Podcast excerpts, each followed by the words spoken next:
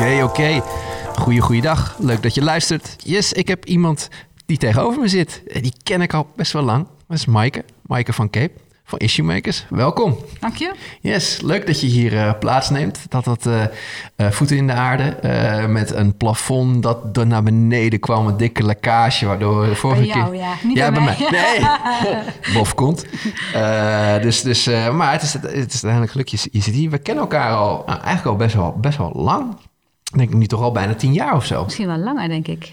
Ja, ik, weet, ik, ik werkte voor mij al bij, werkte ik al bij het PR-bureau volgens mij toen ik Ja. bij jullie begon. Nog net niet. Dat werkte je toen nog niet. Ah, zat ik er tussenin? Ja, oké, dus dat is 2010. Nou, dat is, ja. Ja. dat is twee, zo 11, 10, 10 tot Wij 11. waren net begonnen in Amstelveen, denk ik. Waren jullie net begonnen? Ja, althans met het nieuwe bureau. Want we zijn in 2008 begonnen. Dus ik denk dat je een jaar daarna of zo bent gekomen. ik had het idee dat jullie daar al jaren zaten. Nee hoor, wij waren daar pas sinds 2008. En we hadden van tevoren... Zaten wij, ik had een bureau eh, wat meer gericht was op maatschappelijke communicatie en PR. En mijn zusje zat meer in de ehm, politieke communicatie en public affairs. En toen zijn we in 2008 hebben we die twee bureaus in elkaar geschoven. En toen zijn we naar Amstelveen gegaan. Oh, En hebben we dus ongeveer 12 jaar in dat pand gezeten. jeetje. Ja. Oh, ja, het, het zag er zo organisch, volgroeid, juist uit als... Maar dat is natuurlijk de, de, de, de, de, de, de, legacy die jullie al meenamen met je eigen bureaus. Precies, denk en, het, ja. en dan die familie, dat, is toch, dat gaat toch wel in elkaar. Dus dat Ja. kan al heel snel als één volledig geheel Ja, voelen natuurlijk. Ja. En we hadden eigenlijk in de vooraanloop ook al eigenlijk ehm, al gepoogd, in ieder geval een paar keer samen op projecten gewerkt om te kijken of onze energie matchte en of we Mhm. Ja. niet heel veel ruzie zouden krijgen, want die Oh, ja. hebben natuurlijk veel te verliezen. En we hebben ook al- eerder mensen uitgewisseld onderling. Oh ja? Dus mensen van haar naar mij en van mij naar haar om daarmee Vroeger deden jullie dat met poppen en speelgoed. En nu eh, met Dat weet ik personeel. Ik was drie jaar ouder, dus heb ik denk ik net samen geen poppen gehad. Maar, eh, dus eh, nee, want het was eigenlijk op die manier. En daardoor voelde het ook vrij snel heel natuurlijk. En, Ja, ja. want, want je runt Issue Makers eh, met, je, met je zus dus. En natuurlijk een heel fantastisch team daaromheen. issue Makers, zoals de naam al zegt, houdt zich bezig met van iets een issue maken. Maar nog beter misschien wel het oplossen juist, denk ik, eh, van eventuele Ja. issues. En het gaat breed in allerlei eh, gedaantes, weet je. Ik bedoel, ik denk Ja. ook al soms dingen veel meer misschien public affairs, maar sommige zijn misschien meer PR, communicatie enzovoorts. Maar het, het, het masht up in elkaar, toch? Of, of, of jullie je dan... echt het hele verhaal horen? Ja, als je niet het hoort dat je denkt van... Hé is dat echt dat je denkt over ons? Dan heb ik je nog wat te vertellen. Nou, dit- wat er eigenlijk is, is dat we eigenlijk... eh, we hebben drie pootjes. Eén poot richt zich heel erg op eh, Ja. issue intelligence. Dat is het eh, binnenbrengen van omgevingssensitiviteit bij bedrijven. Omdat we zien dat dat toch een probleem is. Van, goh, met wie ben je eigenlijk? Hoe wordt er over jou gesproken? Hoe wordt er over de issues waar je mee te maken hebt gesproken? Hoe kijken stakeholders tegen je aan? Tweede poot is issue management. En die is gericht op eh, het impact onder controle houden. Dus niet het eh, weg, wegmanagen of zo, wat sommige bureaus doen. Maar echt gewoon kijken van, goh, wat is er? En hoe kunnen we zorgen dat we daar op een betere manier mee omgaan? En de laatste poot is dan issue maken. En die is eigenlijk gericht op eh, het agenderen van maatschappelijke issues... en het positioneren van bedrijven met maatschappelijke issues... maar vooral het oplossen van maatschappelijke issues. Oh, wauw. Dat zijn onze drie poten. Jullie drie poten, nice. Ja, Zijn er met al die drie poten ook begonnen... of zijn er sommige dus later bijgekomen? Mm, dat is eigenlijk een beetje organisch gegroeid, denk ik. Eh, Ja, ja. Eh, eh, Toen we begonnen kregen we natuurlijk heel veel commentaar. Omdat we issue maken, dan hebben mensen het idee van... eh, zijn jullie probleemmakers? We hebben ook wel eens die opmerking gekregen. En eh, wat we zagen is dat bijvoorbeeld one-issue-organisaties... dat zijn de, de fondsen, de NGO's en dergelijke... die snapten heel snel wat wij wilden. Voor grote bedrijven is het wat ingewikkelder geweest al die jaren nog. En dat zie je begin, beginnen nu te beseffen... Dat, Ah, ja. dat er ook een samenleving is waar ze wat mee moeten. Of moeten of kunnen, ook Ja, want ja. eh, daar gaan we zo meteen ook nog even op, op, Ja. op inzoomen... wat Ja. dat allemaal betekent, et cetera. ja. Maar nog even, terug, want ik vind het leuk... om eh, dat mensen een beetje de volledige... eh, ja, rijkwijde leert, kende, leert kennen van, van de persoon die hier zit. Dus waar, waar, waar, waar, waar zijn jij en je zusje opgegroeid? Waar is het eigenlijk allemaal een beetje eh, Wij zijn, begonnen? in, wij zijn in, in Brabant opgegroeid. In, Brabant. In Tilburg en omgeving. Echt een Brabantse familie. Nu je het Met- zegt. Ja, nu, het? nu, nu ik het hoor. ja, nu je het zegt, ik, oh, wacht eventjes. Ja, natuurlijk. Ja. En we zijn er echt in een heel warm gezin Ja. opgegroeid. Waarbij een, eh, mijn vader ook altijd aangaf van... Goh, ehm, je kunt bereiken wat je wil bereiken als je er maar echt in gelooft. Dat is Mhm. eigenlijk het belangrijkste. Mijn moeder heeft ook altijd gewerkt, was toen al best wel uitzonderlijk. En mijn vader was ook ondernemer. Die is eh, in, toen mijn zusje geboren was, toen had hij eigenlijk al een eigen bedrijf met vijf kinderen. Vind ik toch best wel stoer. Ja, zeker. En eh, wat zijn wij ook eigenlijk heel erg maatschappelijk betrokken. Mijn moeder, ze- we hadden eigenlijk twee richtingen. Mijn moeder zat heel erg in de psychotherapie. Dus er was echt een, eh, in die jaren 60 waren allemaal mannen met lange jurken die aankwamen en dergelijke. En mijn vader zat in de eh, bedrijfseconomische advieshoek, maar die zaten Zo. aangesloten bij de accountantswereld. Dus Oh. die kwamen allemaal in driedelig grijs. En die zaten dan bij feest bij ons bij elkaar. En wij moesten met iedereen kunnen praten. Heel veel van geleerd. Ja, tuurlijk. En het mooie was dat mijn vader en mijn moeder ook altijd eens toen wij wat ouder werden. En nodigden ze eens in de maand, anderhalve maand, iemand uit die zij heel relevant vonden, heel belangrijk vonden. Waar zij ook, die heeft een goed verhaal te vertellen. En dan mochten wij allemaal, alle vijf vrienden uitnodigen. En waren met een man of zestig. En dan was er een, verhaal, een avond dat dan iemand heel groot een verhaal vertelde. En dat kan, kan een theoloog zijn geweest, dat kan een, ach, een medisch directeur van een farmaceutisch bedrijf kunnen zijn. Dat had van alles kunnen zijn. En die vertelde, of een, een hoofdredacteur van de Volkskrant is een keer geweest. En die vertelde dan een uur of zo, of anderhalf uur, over wel hoe hij tegen bepaalde dingen aankeek. En daarna kon iedereen in, met elkaar in gesprek. En daarna was het dan heel gezellig. Met, z'n- Ja. met de, maar dat, dat soort dingen hebben wij meegemaakt. Dus dat was gewoon heel leuk. Ja. Maar- en dat, en dat is gewoon, gewoon eh, het is grappig. Dat ik denk ik een van de eerste keren dat ik met mijn dame samen was. Toen begon al redelijk snel over kinderen te praten op de een of andere manier. Maar ja, ik wil gewoon dan ook één keer in de maand letterlijk een soort van eh, wie komt er eten dag. Weet je Ja. wel? Is een soort van een persoon die anders niet eh, zo snel in je bubbel tere- terecht zou komen. Kunnen spreken als kind. Ja. Weet je, dat je je verwondering kunt, kunt, kunt aanraken. Maar dat deden je ouders. Hoe, hoe, hoe fixen je je vader en je moeder dan? Ja, Gewoon waren dus mensen die zij kenden of via via kenden. En Ah, ja. die ze vonden dat die een goed verhaal hadden. Wat ook belangrijk was dat wij het mee zouden krijgen. En eigenlijk doen we dat te weinig. Dat is natuurlijk heel mooi om, om andere meningen te horen, andere dingen te luisteren. Te horen wat, wat er allemaal speelt en waarom dingen, eh, hoe mensen tegen dingen aankijken. Wat interessant zeg. Ja, echt leuk. Ik zou het eigenlijk, ik heb het altijd gedacht, ik moet het ook doen. En door allerlei omstandigheden is dat er nooit van gekomen. Maar eh, Ja. het is wel heel mooi. Het is eigenlijk een soort uh, de Bali, maar heel klein. Thuis. Ja, ja. Ja. maar ja, de, ba de balie zeg je, de, de, de, plek op eh Leidseplein. Ja. ja, ik weet je zeggen, ik, ik, ik, ik, ik vind het wel... We hadden hier laatst een, een, een, student van de TU Delft die hier eh, eh, zijn eh, afstuderen, afstuderen deed. Die vertelde me ook zeg maar, over het gemak dat zijn ouders eh, voor hem hadden als van, oh ik wil designer worden. En dan konden, ze, konden die ouders gewoon een designer uit een netwerk toevoegen eraan. Van oké, ga maar, ga maar praten, komt die eten Ja. hier vanavond, weet je wel. Als je dat kunt hebben als jong persoon, als je ouders zo'n netwerk hebben, is echt super bijzonder. Bij mij was het echt, ik bedoel, het is niet waar mijn ouders vandaan komen, maar ik was een soort van, eh, mijn beste vriendje in, in, in, in, in ehm, groep 8 was Joost Kuiper. En ehm, hij verhuisde uiteindelijk twee jaar later naar Bergen. Ben ik echt letterlijk mee verhuisd een beetje. Ik, was, ik ben denk ik van mijn 16e tot mijn 22e elk weekend bij hen geweest. Want ik kreeg ook een Ja. baantje in de bar daar zo. En weet ik het allemaal. Leuk, ja. En zijn vader is schrijver, Sjoerd Kuiper. Oh ja, ken ik. Ja. En eh, echt, is ook Kinderboekenschrijver. kinderboekenschrijver. Ik noem hem surrogaatpapa. Eh dat vindt hij ook prima. Eh, en die heeft, ja, dat netwerk van hem was zo... dat Je weet, eh, Kader Abdollah aan tafel, eh, s s'avonds... terwijl je gewoon aan het borrelen was. Of Paul van Loon, of allemaal... En dan dat je die... Dat zie je gewoon, al die kinderen aan tafel. Die verwondering gaat omhoog. Want er komt iemand die eigen gereid is... of ergens voor staat en die dingen benoemt. Het is zo bijzonder. Ja, ik heb, eh, we hebben veel gedaan. Op, eh, althans, in het begin heb ik dat gedaan met, voor de eh, kinderboekenwereld, maar ook voor de boekenwereld. En dan had je bijvoorbeeld ook een Jacques Vriends die dan gewoon zat te vertellen. En Ja, dat er dan ook ontmoet, ja. 80 kinderen bij wijze van spreken ademloos zitten te luisteren. Dat is zo mooi. Wat mooi is dat bijvoorbeeld zo'n IMC weekendschool, ken je dat? Nee? Ehm, dat is voor IMC, dat is een, een groot bedrijf in Nederland, heeft dat mee opgezet. En dat is een, een weekendschool waarbij kinderen die het van thuis uit niet meekrijgen, in het weekend een dag eh, geconfronteerd worden met mensen uit andere beroepen. Dus Oh. daar komen bijvoorbeeld advocaten een keer een, een dag over de halve dag praten of een dag, maar dat kan ook een, een, een, bij wijze van spreken ook een directeur van een bedrijf zijn of dergelijke. En die zit in Amsterdam. Ik weet ook dat ze in Heerlen zitten en dat ze dus over heel Nederland aan het uitrollen zijn. Om gewoon kinderen die anders eh, dat niet meekrijgen, gewoon eh, te laten zien dat het ook anders kan. En dat er ook andere dingen in de wereld zijn dan alleen wat ze thuis meemaken. Ja, wauw, wat mooi. Wat een dat is eigenlijk wat Stuart Kuiper bij jou heeft gedaan. Ja, ja, absoluut, 100%.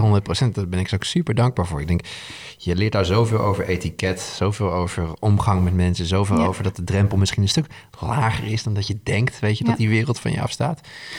Maar mooi. En, en, en uh, dat deden je ouders dan. Ja. Uh, dat klinkt als een hele fijne jeugd in Brabant. Ja, uh, ja zeker. Heel, heel fijn. Heel prima. leuk, gewoon makkelijk. Vier met vijf kinderen thuis is altijd wel wat te beleven. Vijf? Waren met z'n vijven, ja. Zijn er, zijn er vijf van Capes, zeg maar, uh, in ja, jouw generatie? Het zijn er wel vijf, ja. Zo, allemaal vrouwen? nee, nee, vier vrouwen en één jongen. Oh. Ja, heel zielig, maar het is wel de ene oudste... en die werd altijd een beetje op handen gedragen. Want die ging natuurlijk met ons ijsjes kopen en dat soort dingen, weet je wel. Oh, ja, ja, ja. ja, Die had een mooie sleutelrol in de hele, hele samenstelling. Wat mooi, wat leuk. En nou, dan, dan, dan, dan, dan hoe wist je, hoe, hoe, want jij bent, ja, je bent echt zo'n mensenmens. Het is ook wat ik zeg, het is altijd warm, vind ik, bij, bij issue makers. Je hebt het idee dat je ja, het is veel meer een soort van ja, familiegevoel binnenstapt. Mm -hmm. Het is wel professionaliteit, zakelijkheid, et cetera. Um, maar ja, ja, ja, je, hebt, je hebt soms mensen in het leven die, die, die doen werk. En daarnaast zijn ze nog iemand. En je hebt mensen die zijn gewoon wat ze zijn, zeg maar. En mm -hmm. dat ben jij volgens mij tot in el, elke vezel. Klinkt, klinkt, ja, dat is een compliment. Ja, dank je. Dank je voor het compliment. Ja, ik bedoel, jij, jij, jij, ja, je, je, je, droomt, je eet, je slaapt. Het is gewoon, je, bent, denk, je zit zo denk, dichtbij je, je, je, je, je rol die je hier zou moeten hebben. Hoe, hoe, hoe, hoe, hoe, hoe ben je eigenlijk deze kant op gemanoeuvreerd? Was het ook een soort van, het ging eigenlijk wel vanzelf? Of was het op een gegeven moment een soort van moment dat je denkt, oh, dit is helemaal voor mij bedoeld? Uh, of moest je er, was dat een grote uitdaging aan? Of hoe, hoe ben je? Ja, het is natuurlijk altijd een zoektocht. En ik denk ja. dat dat voor jongeren altijd is. Uh, ik, ik, wilde eigenlijk in eerste instantie geneeskunde studeren. Dat, mm. Toen lood ik drie keer uit. Toen ben ik mijn Nederlands taal en letkunde gaan studeren, omdat ik wel van boeken hield. En toen lood ik na drie keer in. Toen dacht ik, ik ga toch maar geneeskunde doen. En toen dacht ik van, ja nee, dit, hier word ik niet gelukkig mee. Nee. En uh, toen, ben ik, uh, toen waren ze net bij Nederlands bezig met het oprichten van communicatiekunde. Mm. Als een bijvak of, en al, eigenlijk als een richting binnen taalbeheersing. En daar heb ik toen als studentassistent mee mogen werken.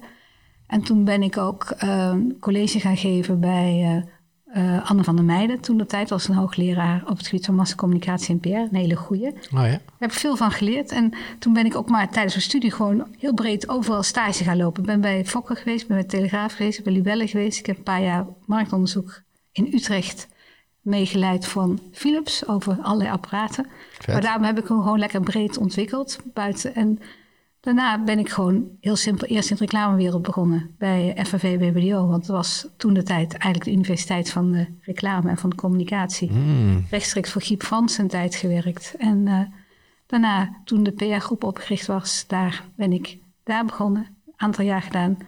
Praten we nu over, hoe oud was je toen ook alweer? Ik was um, rond het leeftijd dat mijn zoontje drie was, toen ben ik voor mezelf begonnen. Dus ah, ja. uh, dan heeft het even, die is nu 30. Dus, die is nu 30, 27 jaar geleden. Ja. Ah ja, ja, dus 1994. 1994 ben ik voor mezelf begonnen. begonnen dus eind jaren 80, begin jaren 90 was je daar bij FAV BWO. Ja. Ah, ja. Daar heb ik eigenlijk heel veel geleerd. Vooral omdat daar echt uh, topstrategen op het gebied van communicatie zaten. En ook mensen die echt vanuit de intuïtie ook dingen durfden te zeggen. Mm -hmm. En wat ik nog uiteindelijk miste bij de PR-groep daar, maar dat lag denk ik op de, in die fase toen dat het wel heel erg marketinggericht was. En ik ja. wilde eigenlijk veel meer begrijpen van waarom spelen de zaken en waarom, waar, waarom gaan dingen zo en waarom doen ze dit. En toen ben ik dus voor mezelf begonnen en heb ik een jaar of tien gedaan en toen met mijn zusjes samen. Oh ja, FAV BBDO, dat is echt zo'n zo'n zo'n zo'n bureaunaam, net als een winkelman of een hersennaam. Dat zijn van die soort van legendes, zeg maar, binnen ja. dat, dat sectortje, zeg maar, wat we met z'n allen hebben. Want ik bedoel, uh, ja. let's be honest, het is, we denken soms dat het heel groot is, maar uiteindelijk, we zijn met z'n allen maar gewoon onze tijd aan, op een mooie manier aan het verdoen, denk ik.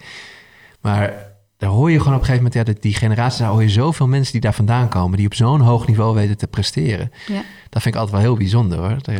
Het was ook heel mooi, want uh, in het sierenbestuur heb ik een paar jaar gezeten. En dat ja? zaten bijna allemaal mensen die een, een verleden bij FAV hadden. Dat was echt ook een, een uh, bijna een voor of na mij. Ik heb ze niet allemaal gekend daar, maar gewoon wel een, uh, ja? een, een, geschiedenis daarvan. Of dat ze een paar jaar gewerkt hadden, daarna ergens anders waren gaan werken. Want het, was toch een bepaalde ja. cultuur die je had op dat ja. moment. Ja, dus, gaaf. Ja. Mooi. Ja, toen begon je voor jezelf, 1994. En dus eigenlijk misschien wel dat stukje van geneeskunde wat, wat draait om analyseren wat er, wat, wat, wat er met een mens Ja. is en hoe je dat mens kunt helpen. Eigenlijk ben je dat gaan, gaan, gaan, gaan, gaan vanuit de communicatiekant gaan, gaan, gaan belichten eigenlijk. En, Ja, en, ja. en toen dacht ik van mezelf, te veel marketing daar.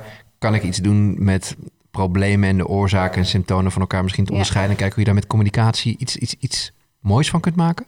Ja, nou, wat ik, ik, ik heb toen onder andere eh, veel gedaan op de klimaatconferentie, de Co- COP6. Toen, de Toen in tijd 1994, 95, 96, hè? Eh, nee, die was in 2001, denk ik. 2001, oké. dus Dat was je ongeveer zeven Ja. jaar nadat je... Ja, en, maar ik heb ook veel gedaan voor NS. en dan met name het hele tijd voor lezen hebben we opgezet. We hebben veel gedaan rondom leesbevordering. Oh, mooi. Ehm, ik heb veel gedaan op eh, commissie Werkend Perspectief. Of de, eigenlijk de voorganger ook al, commissie Arbeidsgehandicapten en Werk. En de voorganger daarvan, de Nationale Commissie Chronisch Zieken, die heel erg bezig was van hoe krijg je meer aandacht voor chronisch zieken in de Nederlandse samenleving. Hoe kun je ze beter naar werk? en dat richt je dan zelf Nee, dat, heb ik, dat was een onderdeel van een, een aanpak? Of Ja, je was... ik was daar betrokken bij Oh, ja. een project wat uitgestart was vanuit, ik denk van het ministerie van, eh, van VWS moet het zijn geweest. En dat was toen omdat, eh, en dat was wel wat wij hebben aangekaart, is dat er toen heel veel aandacht was voor hart- en vaatziekten en kanker. Maar eigenlijk heel weinig aandacht voor chronische ziekten, terwijl die eigenlijk wel heel erg ehm, Ja.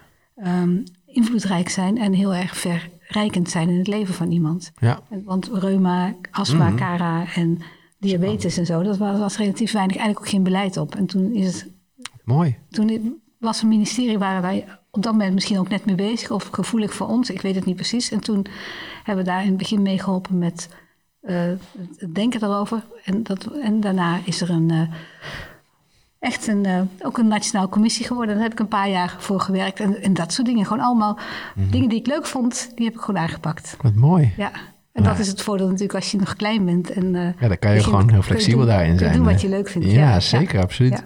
Maar dan 1994, dan 2001, dan pak je zo door. En Ja. dan is het jaar 2008 daar. Dus dan heb je ongeveer 14 jaar heb je, heb je eh, zelfs, zelfstandig gewerkt, gewerkt. Eh, was je toen, had je wel, je had personeel enzovoorts natuurlijk ook. was gewoon echt gewoon een bureau, toch? Ja, Bedoel je, maar ik, dus was wel, jullie- ik had een man of vijf, zes of zo. Ik had, eh, ik vertelde net, mijn zoon was net drie. Dus dan heb je ook wel alle dingen die je... En, en een partner die vol werkte. Dus ik had wel al mijn aandacht ook d- verdubbel, dubbel nodig. Dus het- ik heb altijd wel gewerkt. Ik heb altijd veel plezier gewerkt. Ook best wel fulltime, maar wel altijd... binnen de mogelijkheden die ik had. Dus vaak s'avonds of eh, Oh ja. op andere momenten. En, Ja, eh, ja, dan moet je een beetje Ja. creatief zijn Ja, met eh, wanneer je wat doet. Oh, interessant. En, en, en, en ehm, oké, en dan toen in 2008 eh, denk je van... hé hey, zus, laat het gewoon elkaar, elkaar doen. Ja, ja, want want zij was eerder ook voor zichzelf begonnen. Zij was denk ik in 97 voor zichzelf begonnen. Ja. Ook een aantal jaar zelfstandig gewerkt. We hebben even een tijdje, heeft ze nog zelfs bij mij in... Ik had een kantoortje, heeft ze ook nog een één of twee kamers gehuurd. En Ja. toen is ze weer even ergens anders naartoe gegaan. Ik ook weer ergens anders naartoe. En toen in 2008 ja. zijn we samen gegaan. Is, het, is dat... Is dat, is dat, is dat eh, hoe, hoe, hoe, hoe, hoe fijn was dat om, om, om met elkaar dan uiteindelijk te gaan samenwerken... en dat het lukte ook? Ja, het fijne is als je samenwerkt dat je dan ehm, de gedeelde verantwoordelijkheid hebt. En dat je iemand hebt die op dezelfde manier erin zit als jij zit. Dus op het moment dat er even ergens iets fout gaat of zo, dan heb je iemand, dan, dan heb je geen iemand tegenover, dan heb je iemand naast je. En Ja. dat is natuurlijk het voordeel.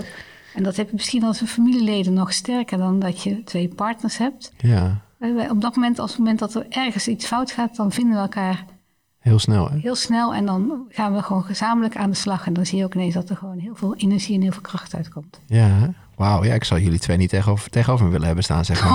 Oh, dat valt er mee hoor. Nou, nou volgens jaar valt wel mee. Voor mij, voor mij, jullie hebben zo'n lief karakter. Maar volgens mij, als jullie ergens voor gaan, dan, ga, dan, dan, dan, dan kunnen jullie bergen verzetten. Ja, ja, Dat denk ik we- wel. Ja, wat, ja, dat klopt. Dat kunnen we. Ja. Ja. En wat we wel zien is dat we misschien soms wel te aardig zijn geweest voor veel medewerkers. Nee, dat is niet echt hoor. Maar dat je Ja. wel merkt dat mensen, als ze ergens anders gaan werken, denken van... Goh, wat was het, mak was het warm en makkelijk bij jullie? En, Of makkelijk, wat was het eh, Fijn, gewoon fijn, prettig. ja, betrouwbaar en dingen. Ja. Maar dat zegt toch juist alleen maar goede dingen over jullie. ja, maar je moet mensen ook een beetje harder voor de samenleving waar ze in komen, toch? Of niet? Nou ja, als het goed is, hebben hun ouders dat al gedaan. Eh, en als je ze aanneemt, eh, hebben ze dat al in zich natuurlijk. Maar ik, eh, ja, ik, ik, ik, ik hoop juist wel hoor, dat men dat denkt. Dat ze ergens anders naartoe gaan. Dat hey, jeetje, wat was het fijn bij, bij. Maak. Dat, dat, vind ik ook een mooi compliment. Ja, ik ook hoor. Ja, toch? Ja. En, eh, en eh, oké, en, en, en zoals jij, ik bedoel, ik, ik vind het leuk om te horen dat je, ik bedoel, Roel en Bas van WeFilm, weet je, dan zie je ook als broers of familieleden met elkaar samenwerken, hoe, hoe ver ze kunnen gaan. Mijn broer is hier net begonnen. Eh, dus ja, dat, dat zijn, ik, ik moet je zeggen, ik zei dat laatst, tegen- het voelt net als thuis of zo, weet je, als je, Ja. hier, als je hier rondloopt. Want ik weet gewoon dat de normen en waarden die ik ken, die ik binnen een huis wil, wil prevaleren, ga ik nu nog meer binnen tegenkomen omdat jij hier ook rondloopt. Ja, en dat maakt ja. het warmer of zo. Ja, ja, Zo prettig. ja, helemaal eens. En, eh, en dat je ook gewoon wel weet wat je aan elkaar hebt. En dat, dat denk ik ook nog meespeelt, is dat je daarom minder snel... eh, wat je anders met twee partners in een bedrijf wel kunt hebben... is dat er eh, meer ehm, groepvorming komt. Dat de ene het niet eens met de ander... en dan gaat hij zoeken wie dat met hem Ja. niet eens is, hetzelfde manier. En dat hebben wij niet. Dus eh, die, die kans is niet zo groot. Dus wij, wij vinden elkaar wel weer pratend uit. We kunnen ook echt ruzie maken. Dat is natuurlijk ook wel weer leuk. Dus bij ons kunnen mensen ook voelen zich niet echt ehm, dat ze iets niet kunnen zeggen. Dus er wordt ook makkelijker wat gezegd als ze het ergens niet mee eens zijn.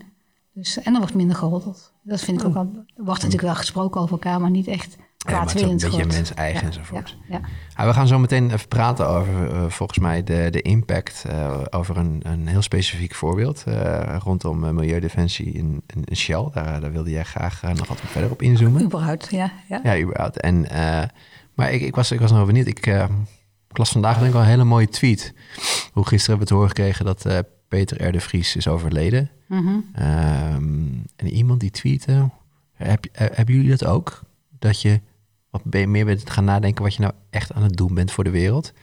Door zijn overlijden. Ja. Nou, dat, is- als dat gebeurt bij je overlijden, even los van dat ik natuurlijk niet zou willen dat Peter niet was komen te overlijden. Maar ik had dat laatst ook toen ik over hem nadacht. Toen zag ik, wow, wat doet hij? dat? Heeft, hij heeft dat allemaal gedaan. En dan komen die verhalen naar voren. En dat je dan ook even bij jezelf in de spiegel kijkt van, wat doe ik eigenlijk? Ja, klopt. En dat doe ik echt. Want Echt. echt, want dat is natuurlijk best heel ingewikkeld. Want je doet allemaal wat. Ja, En of het nou daadwerkelijk ook hout snijdt. Hij ging echt door, door het vuur. door Nou, het vuur voor mensen en dingen. En dat vond ik wel heel mooi. Hij kon het ook.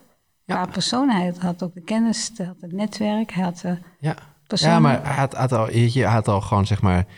Voor mij had hij een aantal smaakjes, zeg maar, hoe Ja. die, wat hij voor je kon doen. Of, maar hij was voor mij altijd wel available. Eh, als je hem gewoon mailde of iets. Tenminste, wat, wat- een, een jongen die, die ik ken, Max, die dan op zijn LinkedIn eh, aan hem vroeg. Zo van, ja, waarom heb je überhaupt ge- gereageerd op mijn mail, weet je? Die er gewoon een vraag van, weet je, hoe heb jij het aangepakt? Gewoon als een inspiratiemoment. En zei, ja, als ik niet meer antwoord op dat soort mails en dat soort uitnodigingen om te praten, dan groei ik niet meer, weet je wel. Hierdoor sta, blijf ik eh, openstaan. En dan heb jij natuurlijk helemaal tot en met zeg maar het oplossen van een, van een zaak. Maar ja, hij, hij, eh, op, hij, ik denk dat hij gewoon voor elke, elke smaak, dus elke, oké, hier heb ik maar zoveel tijd of zoveel energie zeg maar voor. Maar dan wel op zoek was, hoe kan ik hier in, binnenin het meest effectief zijn voor deze persoon?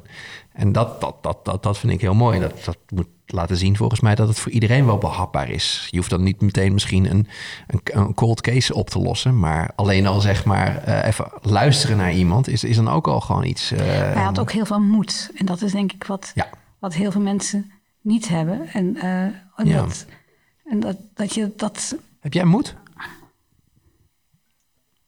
ik ben niet bang, maar of ik echt moed ben, is, heb in een situatie op, dan, op het moment dat je echt je leven erbij in kan springen. Of, Ja. En dat je ook je, je naaste, je, dan Ja. weet, ik niet, weet ik niet hoe ik, moet- hoe ik moet reageren. Ik denk, ik denk het, ik zou hopen dat ik het dan de juiste beslissing neem, maar je weet het gewoon van tevoren niet. Denk ik. Nee, dat is wel zo. Ik ben niet bang. Ik ben niet bang om naar mensen toe te gaan. Nee, ik ben niet bang om vragen te stellen. Ik ben niet Nee. bang om. Maar echt, moet, als het wat hij natuurlijk gedaan heeft met situaties. Ja. Met, Wat, eh, hij, wat, ik, wat hij wel heeft, wat ik ook wel heb, is gewoon dat ik het heel leuk vind om mensen te helpen en met elkaar in contact te brengen. Dat wel. ja, En, dat, en dat wel. Dat, eh, daar zit jouw match. ja, ja. Ja, ja, ik, ik wil ook als het zei, ik wil jullie niet tegenover hebben, want ik denk dat jullie best wel moedig zijn. Maar eh, jij en je zus. Ja, maar niet, niet van dat niveau. Maar nee, ik denk niet ook van niet. dat niveau. Niet van levensbedreigende risico's. Nee, maar ik denk ook dat als je zo lang in zo'n milieu opereert, dan wordt je norm van gevaarbesef ook anders, denk ik hoor. Ik bedoel, als je, als je nooit hebt blij, stil moeten blijven staan, dat als je die stap waagt om met criminelen te gaan samenwerken, zodra je iets doet met criminelen, weet je gewoon dat de context verandert dan wat de norm is van Ja. eh, gewoon zaken doen. Dus als je, jij zult nooit binnen zaken doen, denk ik, een moment hebben gehad dat je bij stil moet staan. Hierdoor kan ik misschien eventueel wel liggen fysiek zeg maar eh, aangeraakt worden eh, door een crimineel of door iemand die iets kwaad, kwaadwillends is. Dus Je zou hem wel eens willen vragen achteraf of hij nooit heel Ja. erg die, die angst in zijn lichaam gevoeld heeft. Of altijd die, eh, die eh, dat, dat die, die, die kracht die er dan... Ja, maar ook, ook, ook de angst die dan in je... Net zo, je kunt verliefd zijn, voel je vlinders... maar je kunt ook uit bang angst kun je ook ineens heel erg eh, Mhm. ja, absoluut. onrustig worden. Zeker. Ik vraag me af of hij dat ook gehad heeft. Ik, ik vermoed het haast wel. Ja. Want het moet natuurlijk, hij moet heel vaak onder edge van eh, geleefd hebben... en Mhm. dingen hebben meegemaakt. Goeie vraag. Ja. Ik- het zou wel haast moeten. Het zou wel haast Ja. moeten. Ja, Ik denk wel dat hij heel goed was in de indruk wekken dat het niet aanwezig was. Dat Ja. het namens een onverschikt karakter gaven. Maar ja, mensen die aan de deur komen... die, je eh, die jou ter verantwoording gaan roepen...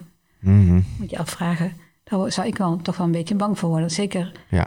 En misschien is dat ook wel omdat je vrouw bent, dat je daardoor sneller geïmponeerd bent. Ja, dat, zou denk ik ook wel meespelen. Ja.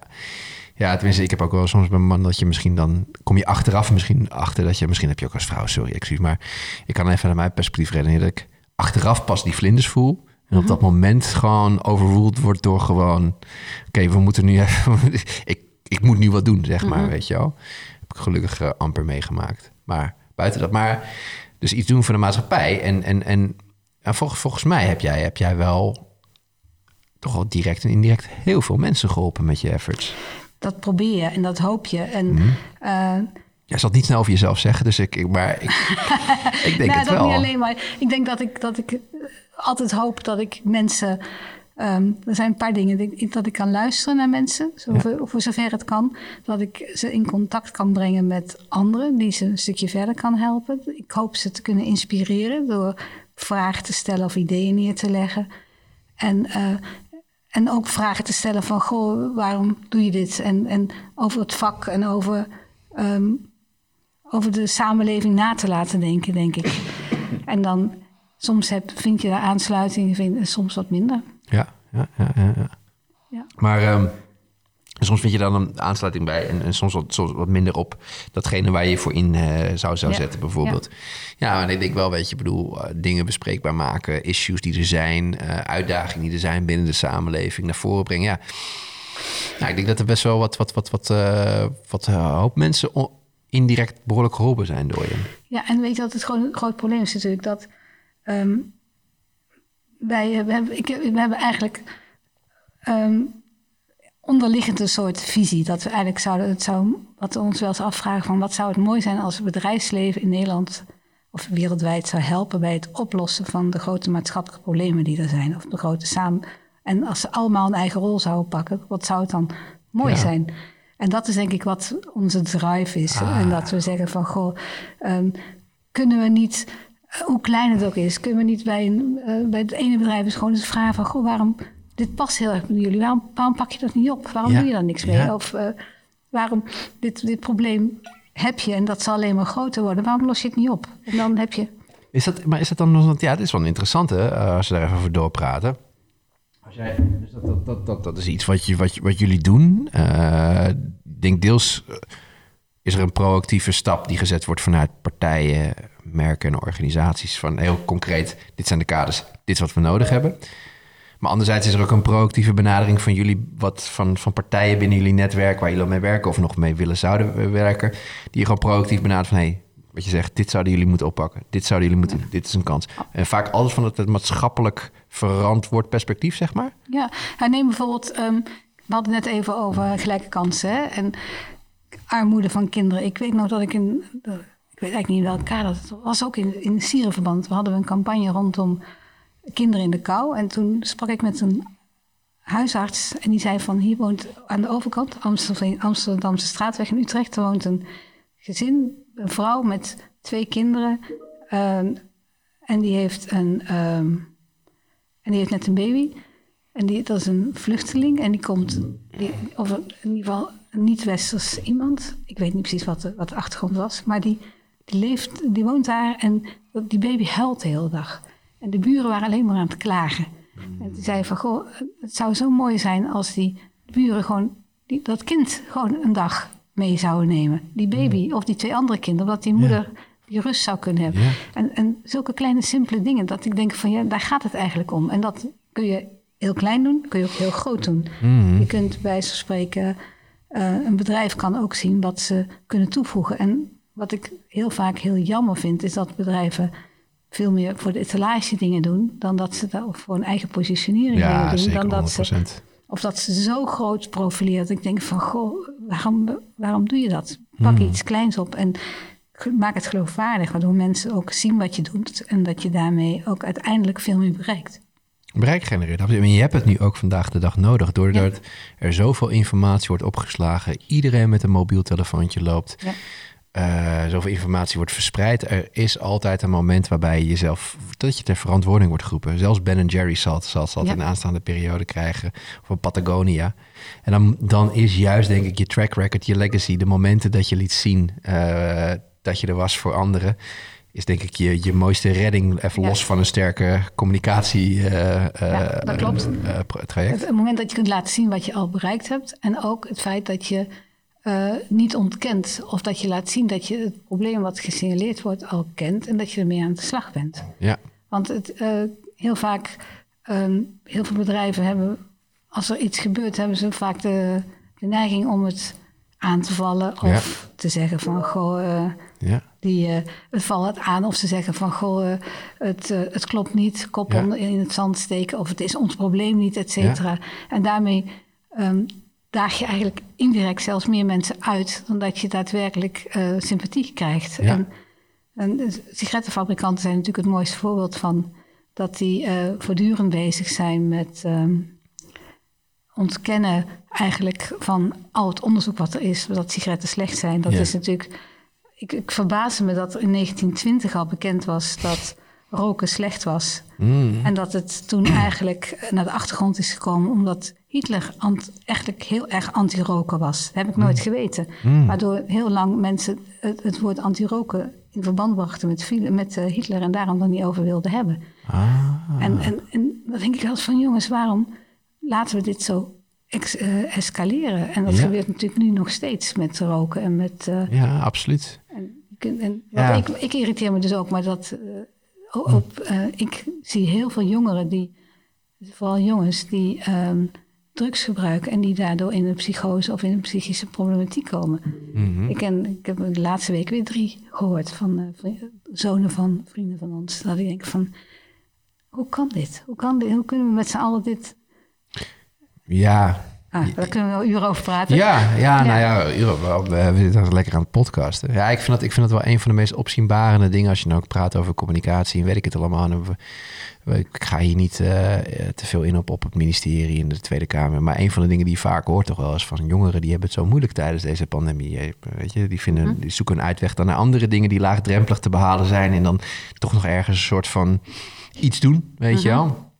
En iedereen van ja, en daar moeten de school lopen of daar moeten we terug naar dat zij ook kunnen rondfloreren en weet ik het allemaal. En ik, de- ik vind persoonlijk dat we er echt op een totaal verkeerde manier naar kijken. Ja. Weet je?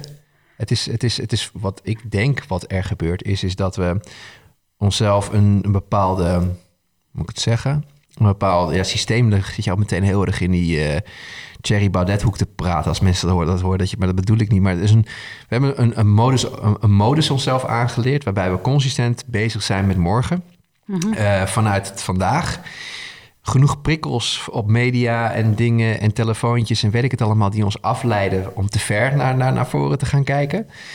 Ehm, en tijdens een pandemie houdt dat op. Is die afleiding er veel minder? Moet je, ja, komen die muren iets meer op je af? Heb je meer momenten van verveling? Heb je meer momenten van stilstaan bij wat er Ja. allemaal om je heen gebeurt? En als je me dan, en als je dan eh, tegen, als je dan denkt, oh, nadenkt over hoe, waar een jongere tegenaan kijkt, Ja. is dan je toekomst hoopvol? Weet je wel, is, is, is, wat, je, wat je vooral ziet is dat het klimaat enorm veel problemen brengt. Ja. Dat de economie er niet zo heel plezierig uit gaat zien. Dat er iets als een pandemie is en je weet eigenlijk niet wat het teweeg brengt. Je ziet dat er veel polarisatie is. Ja. En je ziet dat de mensen die met hun vingers aan de knoppen zitten, afstammen van een generatie die er zo meteen niet meer zijn als jij er bent. En vooralsnog keuzes maken die niet altijd het- jou het gevoel geven dat ze ook jou meenemen in de beslissingen. Ik zou dan ook depressief worden, Mhm. eh, denk ik. Of dingen gaan doen die ja, de pijn weghalen of zo, Ja. whatever. Ja, dat kan ik, kan ik ook wel voorstellen. Het Ja. enige is dat, eh, maar dat was specifiek over de drugs, dat, dat mensen dan, dat, dat er bekend is dat bij jongens een bepaalde receptoren in hun hersen zo reageren dat ze gewoon in een psychose terechtkomen en daar nooit meer uitkomen. Dus dat los van het feit dat je depressief wordt door de, uit, door je, door de uiterlijke, de Ja. externe wereld, maar dat ze ook in, vanuit hun eigen lichaam ziek worden. Je zag een, eh, ik zag een graph eh, vandaag voorbij komen. Ehm, het aantal suicides of dood, mensen die dood zijn gegaan door voor mij drugs, overdoses, suicides-achtige dingen. Ja, een toename van een derde of zo in Amerika. Zo. Gewoon, dat is gewoon, pff, weet je. Ja. Maar we, ja, we, knijpen, we knijpen. Ja, ik, ik ben nu met mannenmacht, probeer ik in een aanstaande campagne over veiliger met je mobiel omgaan in het verkeer. Ik zeg van ja, het, is, het, is, het is nu tijd gewoon om de, de, pijlen te richten op de daadwerkelijke daders. Weet je, het, is, het zijn niet de kinderen. Het is net, we zitten een beetje in de fase ook met mobiele telefoons bijvoorbeeld. Die denk ik desastreus zijn voor heel veel jongeren. Op de manier hoe ze de eh, vrij, vrijheid krijgen, die telefoons. En, en de partijen die daarop dingen maken om alles maar toe te eigenen. Eh, is dit die tabakslobby? Die heeft ook in eerste instantie de, de, de jongeren aanges... eh, of tenminste, eerst spraken we de jongeren aan. Roken is niet cool, dit, dat, zus, zo. En nu zijn we pas bij de fase waarbij de, de, de tenminste afgelopen tien jaar... waarbij we echt de tab- tabaksfabrikant echt aan durven pakken. Ja. Dus ik hoop dat het die kant op gaat. Maar ik vind, het, eh, ja, ik, ik vind dat er op een beetje eendimensionale manier wordt gekeken naar eh, hoe jongeren zijn, wat ze belangrijk vinden. Want het is denk ik een van de. Ik denk dat het de komende twee generaties de, de mooiste generaties zo'n beetje gaan worden van alle generaties die we hebben gehad in onze mensheid. Zou mooi zijn. Ja. Ja, maar ik, ik weet het wel bijna zeker. Want ehm mensen opereert zich toch wel vanuit een soort van de, de primaire levensbehoefte. Overleven natuurlijk. En, en als, ja, kijk wat er in Limburg gebeurt. Dat gaat waarschijnlijk alleen maar toenemen. Ja, dat kan je, dat, dat, die generatie gaat opgroeien met dat dat gewoon een probleem is. En die gaat daar gewoon een oplossing voor vinden. Ja. Geen gemakkelijke, maar... Ja, en dat is natuurlijk het rare wat we hadden net even eerder in het voorgesprek over ondernemers. Ja. En wat ik heel erg verbazingwekkend vind, is dat veel ondernemers wachten tot ze een bedrijf verkocht hebben. En dan pas en goed dan gaan doen. gaan doen. Vind ik echt onbegrijpelijk. Wat bullshit. Dan, dan- net, en dan wachten ze een jaar en dan, is, en dan vraag je waarom doe je het nu pas? Ja, nee, ik moest eerst zorgen dat ik financieel onafhankelijk werd, dat ik dingen kon doen. Dan denk ik van ja, dat vind ik heel vreemd. vind ik echt heel vreemd. Terwijl het, je, de kracht in, je, in jou, wat jij kunt, waardoor je die bedrijf had kunnen, heeft kunnen oprichten, had Ja. je natuurlijk van begin af aan kunnen gebruiken om ook, of vanuit wat je doet, ook een stuk maatschappelijk probleem mee te helpen Ja. oplossen. Ja, weet je, ik bedoel, voor hetzelfde geld val je dood neer voordat je je bedrijf hebt verkocht. En wat heb je dan gedaan? nog, ja, ja, ja. Maar überhaupt, de discussie, en wat je nu natuurlijk heel vaak ziet, is dat. Wat ik wel heel mooi vind, je had het over jongeren, hè, dat daar de grote, eh, veel kracht uitgaat. Je ziet nu, ehm, we zien het ook terug uit onderzoek, wat we zelf ook doen, de Issue Monitor, is dat ehm, de jongere groep en de groep boven de 65, 70 elkaar gaan, kunnen gaan vinden en Ja. gaan vinden. Want Ze begrijpen elkaar. Ja, en die zitten met over dezelfde eh, problemen maken die zich zorgen. En die zijn ook bezig met, met de lange termijn. En die oudere groep heeft de kennis en het netwerk. En de jonge groep heeft die activistisch en de, en de En ze energie, snappen, et het, en ze snappen het systeem soms nog Ja. beter dan die ouderen. Ja. En die groep daartussen, die, heeft, die zit eigenlijk heel erg vast in, in, Ja. in, in intern mogelijkheden. Het inschatten wat de baas goed zou vinden. Een hypotheek, een Ja, maar die, die, scholen. groep, die groep is een van de meest overbodige groepen, zeg maar, binnen deze. Ja, maar het is, het is, wat interessant is, zeg maar, wat je, wat je ziet, is dat volgens mij dan die jonge groep en die oude groep die je beschrijft. Ik denk dat die oudere groep heel goed snapt hoe die jongere groep nu aan het op, op- opgroeit. Omdat die ook uit een periode komen dat heel veel dingen groter werden, anders werden, andere vormen van problematiek en weet ik het allemaal. En die groepen tussen, die is tenminste vooral aan de westerse Europese kant van de samenleving, die komt eigenlijk alleen maar uit het, moment dat het eigenlijk zo ging alleen maar. En die hebben voor mijn zoon, tenminste dat zie ik zo om me heen, dat is denk ik ook de reden waarom eh, polarisatie en, en het rechtssentiment zo aan het toenemen is. Is gewoon een hele grote groep die gewoon niet de zelfredzaamheid heeft om, te, om zich in een globaliserende economie overeind te kunnen houden. Want ze hebben zo geleerd om naar beneden te kijken naar al dat wat nu omhoog gaat, zoals Afrika, uh, Zuid-Amerika, China enzovoort. Dat je, men ziet zichzelf niet zo snel als wit hoor, maar dat je wit bent en in de westerse samenleving bent opgegroeid, betekent niet dat je altijd op nummer één zal staan. Mhm. Je moet ook gewoon weten wat het betekent om gewoon te grinden, zoals je dat noemt in hip-hop. Gewoon te hustelen, gewoon hard te werken, open te staan, kwetsbaar te zijn in de terms of die zin van kwetsbaar is dan heel snel dat mensen denken dat je, dat je, één keer dat iemand iets doet en dat je begint te janken. Maar ik bedoel, veel meer kwetsbaarheid is een soort van dat je jezelf durft open te stellen uh, naar, naar andere visies, andere. En gelukkig voor heel veel van mensen met een migratieachtergrond, uh, uh, die hebben dat al moeten leren in deze samenleving. Want je hebt je moeten aanpassen aan, aan dat witte jumbo reclame-marketingcampagnes van links naar rechts-achtige wereldjes, weet je wel. ja, het is, maar het is ook, ja. er zit ook een, een, een maatschappelijk probleem. Want het zijn wel de mensen die kinderen hebben, die een baan hebben, die bang zijn dat ze die al. Zit een maatschappelijk probleem, hè? Ja, dat, uh, let's be honest. Die hebben een kind, ze moeten zorgen voor hun kinderen. Ze, ze zitten al, want kijk nu ook op de corona is het natuurlijk ook duidelijk geweest. Zijn een groep die het heel, heel zwaar heeft gehad. Ze mhm. moeten.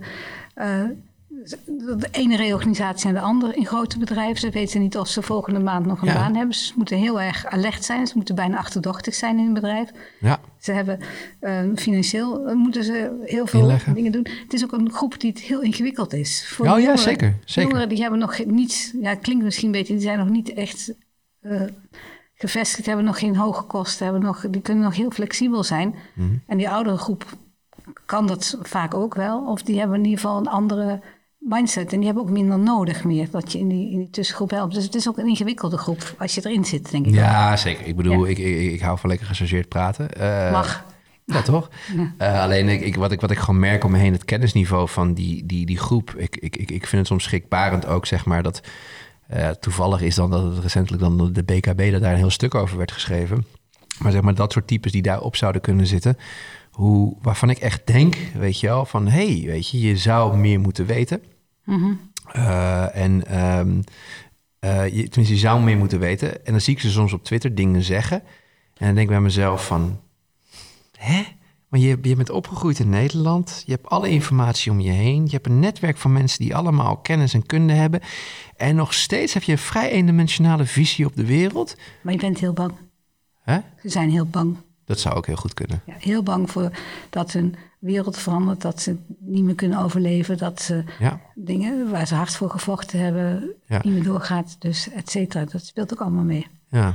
Ja, ik bedoel, ik, ik, ik heb het niet specifiek. Uh, nee hoor, weet ik. Maar gewoon breed. En ik, ik, het, het valt me gewoon op. Het was ook recentelijk. Ik bedoel, ik vind bijvoorbeeld Arjen Lubach vind ik echt, echt. Ik vind hem echt geweldig. Weet je wel. Ik bedoel, ik, ik vind het echt say, in, ik hou gewoon van mensen die gewoon, zeg maar, ik, ik, probeer eens na te denken, oké, we, hebben, we zitten allemaal Leonardo da Vinci allemaal op te hemelen. En wat was Leonardo da Vinci? Een creatief geest die uh, op, een, op een mooie manier kon kijken naar de wereld en op verschillende niveaus zijn creativiteit kon laten ontstaan. Ja. Nou, ik heb één iemand in mijn vriendengroep die dat gewoon is. Dat is gewoon Kijkman, Colin Bendis. Het is gewoon insane wat die gast met zijn prachtige hoofd allemaal kan doen, toe-eigenen.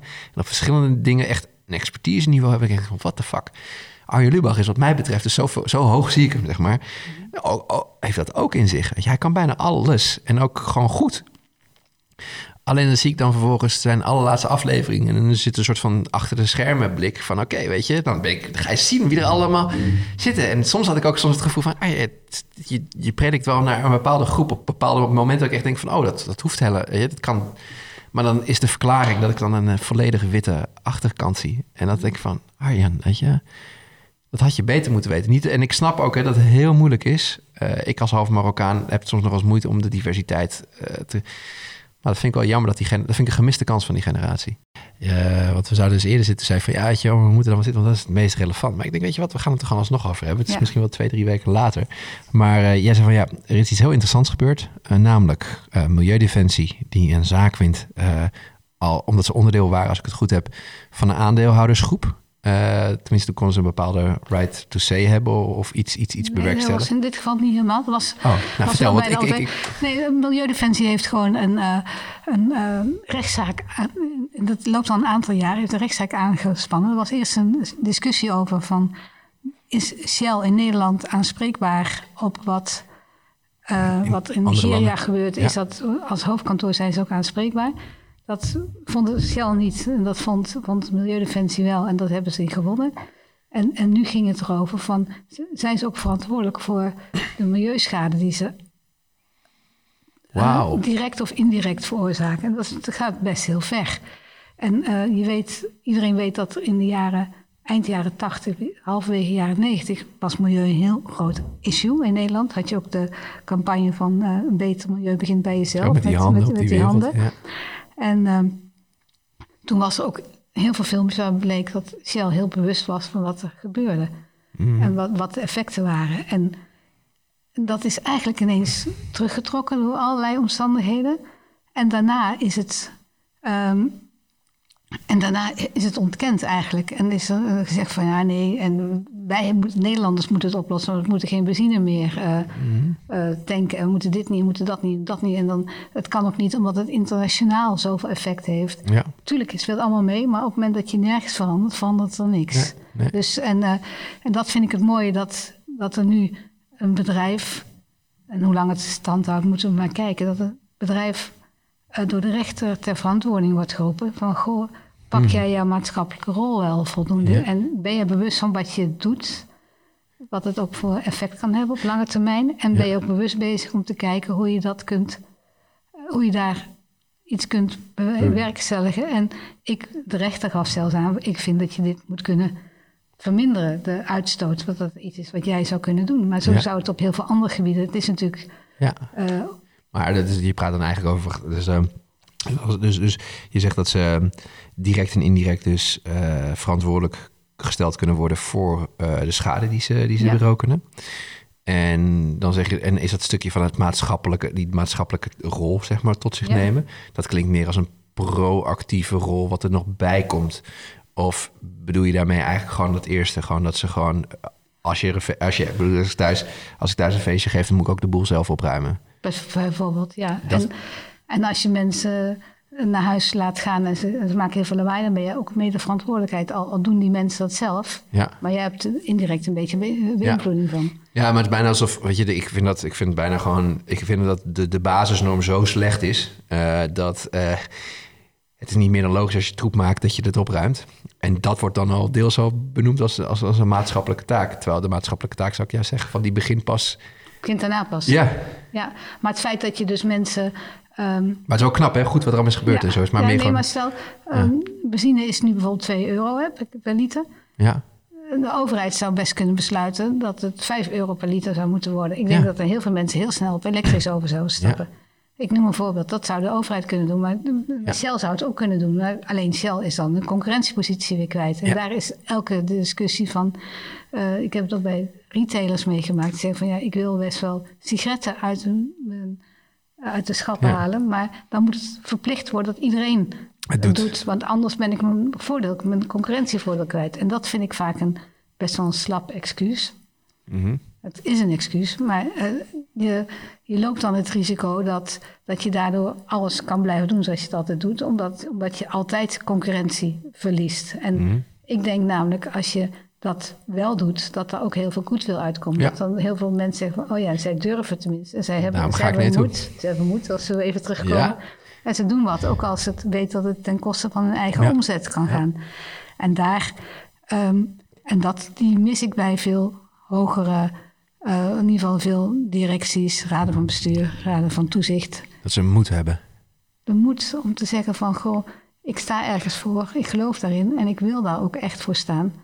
En eh het heeft mij verbaasd, maar dat is dan denk ik eh, dat de woordvoering bij Shell ge- opgepakt werd door een man die in 2003 voor het laatst in de raad van toezicht zat bij Shell. Mm. En niet door iemand die nu In de raad van, raad van nu- bestuur oh ja. zit. Ja, En die man was dus mede verantwoordelijk voor het, beleid daarvoor. eh, en het beleid wat eigenlijk nu heel erg ter discussie staat. Dan ja. denk ik wel van nou, dat is niet wat je moet doen. Je moet echt als bedrijf nu staan. En, en dat zit op heel veel gebieden. Want bijna elk bedrijf kan iets toevoegen. Want je, het ligt, soms ligt het aan de klanten die je hebt, die bij jou komen, die je wat mee kunt. De wijk waar je in zit. Maar het kan ook zijn de mensen die bij jou werken. Mhm. Het kan zijn op het gebied van, van milieu. Het kan ook zijn op het gebied van achterstanden. Je kan, er zijn zoveel gebieden die je iets kunt betekenen. Polarisatie, uh, alles wat je als bedrijf een rol in kunt spelen. Maar je moet er wel... Ja, je moet het wel doen. Je moet wel de moed hebben om het te doen. Durven en dan doen. Dus dan eigenlijk, ik denk, ja. denk dat het misschien wel het, het, het goud van uh, de aanstaande decennia gaat zijn. Ja. Moed. Ja, wie durft te hebben. Wie durft te hebben om Ja. alleen te staan, Ja. om Ja. om te vallen, om, of erger. Uh, dat ik, denk, ja, ik denk dat het nog best wel een, een pittige periode tegemoet Dan, gaan dan wat dat moet het dus betreft. niet de coalition of the willing worden, wat iedereen vaak zegt, maar de coalition van de moedigen. Ja, de coalition of the, of the brave. Ja, ja.